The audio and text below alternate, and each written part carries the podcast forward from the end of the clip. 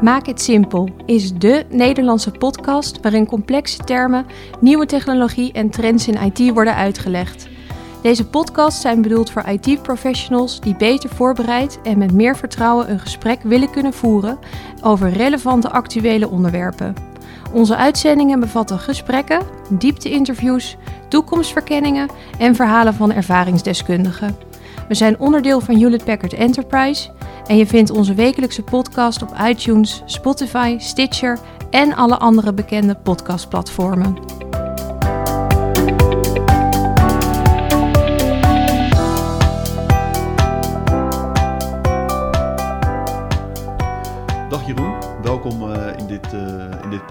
Podcastkanaal uh, Maak It Simple. Hè? Um, na de intro die we vorige keer gedaan hebben, dit eigenlijk de, echte, de eerste echte podcast die we, die we met jou gaan opnemen. Kun je iets over jezelf kort vertellen? Ja, ik ben Jeroen Bronkhorst. Ik ben innovatielead voor HP Nederland. En uh, ik hou me vrij uh, regelmatig bezig met, met blockchain oplossingen. Kijk, dat is mooi. Nou, mijn naam is Arnold van der Kaai. Ik ben de host voor vandaag. Um, vandaag gaan we het dus hebben over blockchain. Dat klopt, um, ja. Een typisch een onderwerp waarbij ik, ik altijd denk, wat is dat nou eigenlijk? En, en, en waarom bestaat dit onderwerp nou eigenlijk? Kun jij daar iets meer over vertellen? Waarom, eigenlijk, waarom gaan we het eigenlijk over blockchain hebben, Jeroen?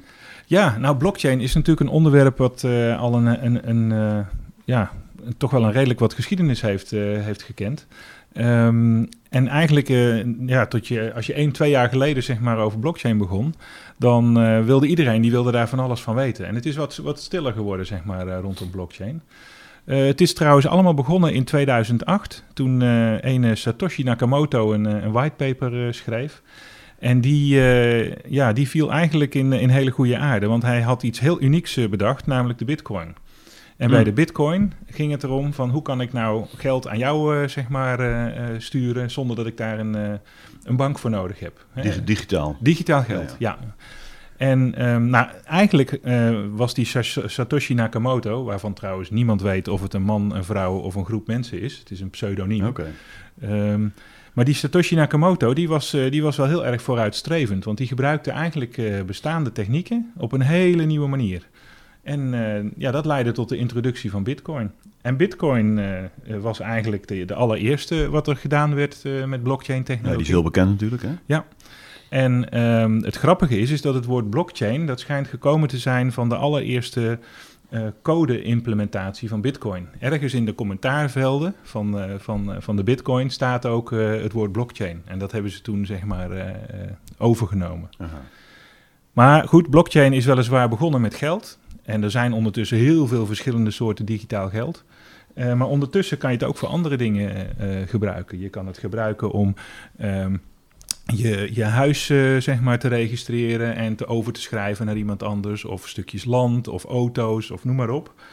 Um, en omdat mensen erachter kwamen dat je er ook andere dingen mee uh, kan doen, zijn er dus een heleboel um, ja, nieuwe start-ups gekomen, nieuwe bedrijfjes ontstaan, waar heel veel miljarden in zijn, uh, zijn gepompt, om eigenlijk te gaan onderzoeken, wat kan ik nou allemaal met die blockchain doen? Ja.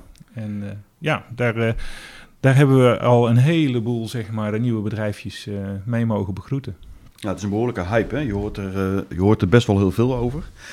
Ik moet je eerlijk zeggen, ik denk altijd, wat, het is zo heel ongrijpbaar iets, dat blockchain. Wat is het nou eigenlijk? Hè? Wat is het nou eigenlijk wel of nou, wat is het niet? Um, kun je daar wat over zeggen? Ja, ja, blockchain heeft natuurlijk zoiets van, ja, allemaal complex en ingewikkeld. Uh, maar in de basis is uh, blockchain eigenlijk uh, niet zo heel erg lastig te begrijpen. Eigenlijk komt het bij blockchain erop neer dat je transacties registreert in een systeem. Um, waarbij alle gegevens die je daarin zet beveiligd zijn. En niemand anders het later meer kan wijzigen. Okay. En ja, dan zou je zeggen van ja, maar dat, dat komt toch al. Ja. Nou, in dit geval is het zo dat alle computers waar blockchain op draait, hebben allemaal een kopie van de database. En die wordt automatisch, wordt dat zeg maar uh, in sync gehouden, wordt dat uh, gelijk gehouden met elkaar. Um, en dat ligt dus uh, zeg maar aan die blockchain technologie. En daardoor is het zo dat het veel makkelijker is geworden om ja, gegevens met elkaar uit te wisselen. Op een manier dat je erop kan vertrouwen dat jij ook een exact dezelfde kopie hebt van die gegevens als die iemand anders heeft. Ja, het gaat echt, gaat echt over vertrouwen dus. Vertrouwen is uh, het sleutelwoord als het gaat om, uh, om blockchain technologie. Ja, absoluut. En als je er eigenlijk, als je er technisch naar kijkt, dan gaat het echt over een, eh, een, een beveiligd systeem. Een systeem waar cryptografie in wordt gebruikt, waar hè, versleuteling uh, wordt toegepast.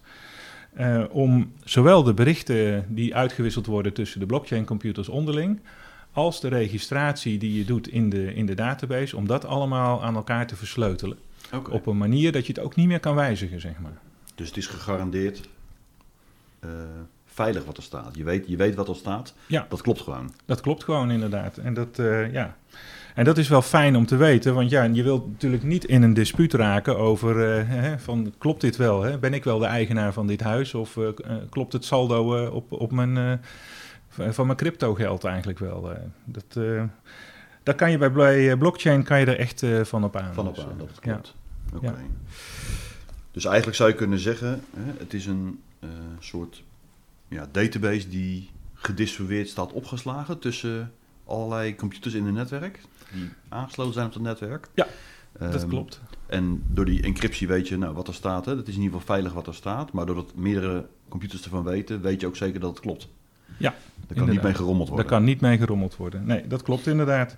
Ja, en in de kern is blockchain gewoon software. Het is eigenlijk gewoon open okay. source uh, software. Die kan je downloaden. Um, en daar kan je dan ook je eigen variant op maken. Nou, dat hebben heel veel partijen al gedaan. Die hebben allemaal hun eigen zo, distributies, hè, zoals dat zo mooi heet, gemaakt. Hun eigen varianten. Mm -hmm. um, maar die hebben allemaal weer hun eigen focus. De ene is heel veilig en de andere die is, uh, is weer op, op snelheid van transactieverwerking. En weer een andere die, uh, die doet weer andere dingen. Okay, um, en de meest bekende uh, varianten zijn Ethereum, Corda en Hyperledger. Dat zijn degenen die, die je in deze wereld eigenlijk het meeste tegenkomt. Oké. Okay. Maar in feite, de technologie is wel over het algemeen allemaal hetzelfde. Je hebt er wat, wat verschillende smaken van, maar uiteindelijk is het allemaal. Ja, in, in de basis is het voortgebouwd op dezelfde concepten en op dezelfde technieken die, daar, die daaronder zitten. Alleen op verschillende manieren toegepast. Oké. Okay. Hey, en, en waarom willen klanten hier wat mee? Waarom is het belangrijk voor klanten? Nou ja, voor een deel zei je het net al, hè, uh, vertrouwen.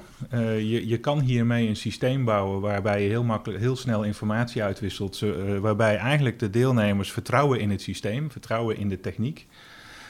Ja, en dat scheelt natuurlijk een heleboel in het verwerken van die transacties. Daar waar je nu mensen het in systemen zitten te zetten, kan je dat eigenlijk volledig automatiseren. En kan je die mensen ook andere dingen laten doen.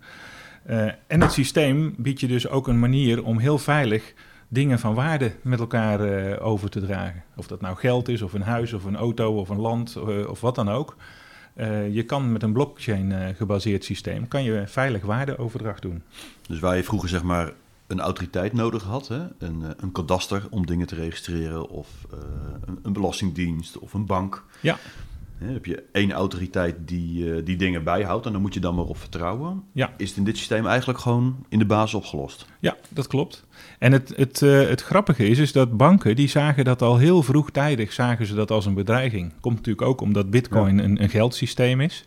En banken zijn al heel snel uh, uh, gaan kijken naar wat, wat is dat uh, blockchain gebeuren en hoe kan ik ervoor zorgen dat daar, ja, dat, dat niet als een, on, onze business afpakt. En ze kwamen er eigenlijk gaandeweg achter dat er ook allerlei manieren zijn om met blockchain ook daadwerkelijk omzetverhoging te realiseren. Okay. en je ziet nu dus ook dat in de bankenwereld eigenlijk zijn de banken voor, lopen voor op het in productie brengen van blockchain gebaseerde systemen op dit moment. Oké, okay, heel interessant. Dus zij hebben eigenlijk de bedreiging omgezet in, in iets nuttigs voor hunzelf. Ja, ja dat klopt.